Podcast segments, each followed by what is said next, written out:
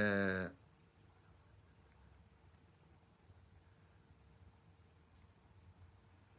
إذا كانت العصمة لماذا الشيعة يؤمنون بها؟ هذه نظريات تاريخية أخي العزيز. الآن ما حد ما شنو معنى العصمة يعني؟ الآن هم الحكام مالتهم ذولا الإمامية قبل 1200 300 سنة كانوا يقولون كل حاكم يجب أن يكون معصوما من الله.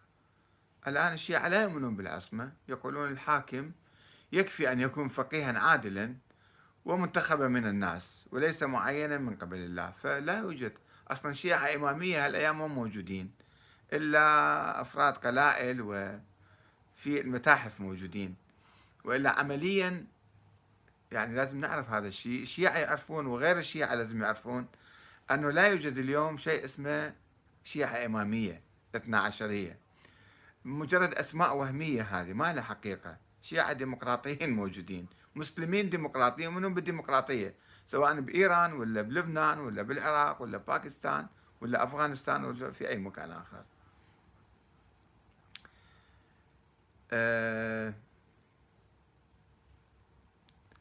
يعني ذول يسبون بعضهم شو نسوي لهم؟ مو بيدينا إحنا ننصحهم ولكن لا واحد يسب الثاني لاقين فرصة روحوا مكان ثاني يا إخوان. سبوا بعضكم ليش جايين عندنا في صفحتنا هذه؟ آه الشيعة الإمامية هي الجعفرية. الجعفرية اتباع فقه الإمام جعفر الصادق. بس الإمامية كانت تؤمن بنظرية اسمها نظرية الإمامة الإلهية لأن الأئمة الحكام يعني.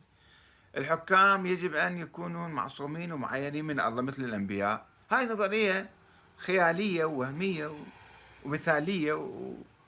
وما طبقت. وماتت وانقرضت قبل ألف سنة 1200 سنة.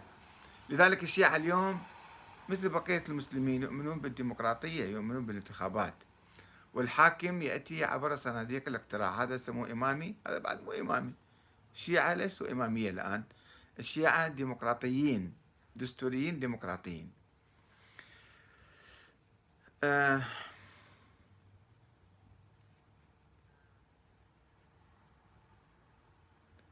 إثبات إمامة علي بن أبي طالب في القرآن. طيب إذا أثبتته بعدين شو يصير؟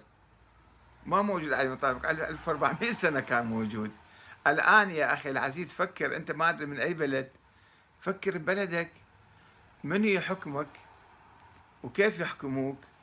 وهل يحترمون حقوقك؟ هل يعطوك حقوقك ثروتك مثلا؟ يهتمون بالدفاع عنك ولا لا؟ يبيعوك في أسواق النخاسة؟ فكر بهذا الموضوع. ما تفكر بالتاريخ. فلان كان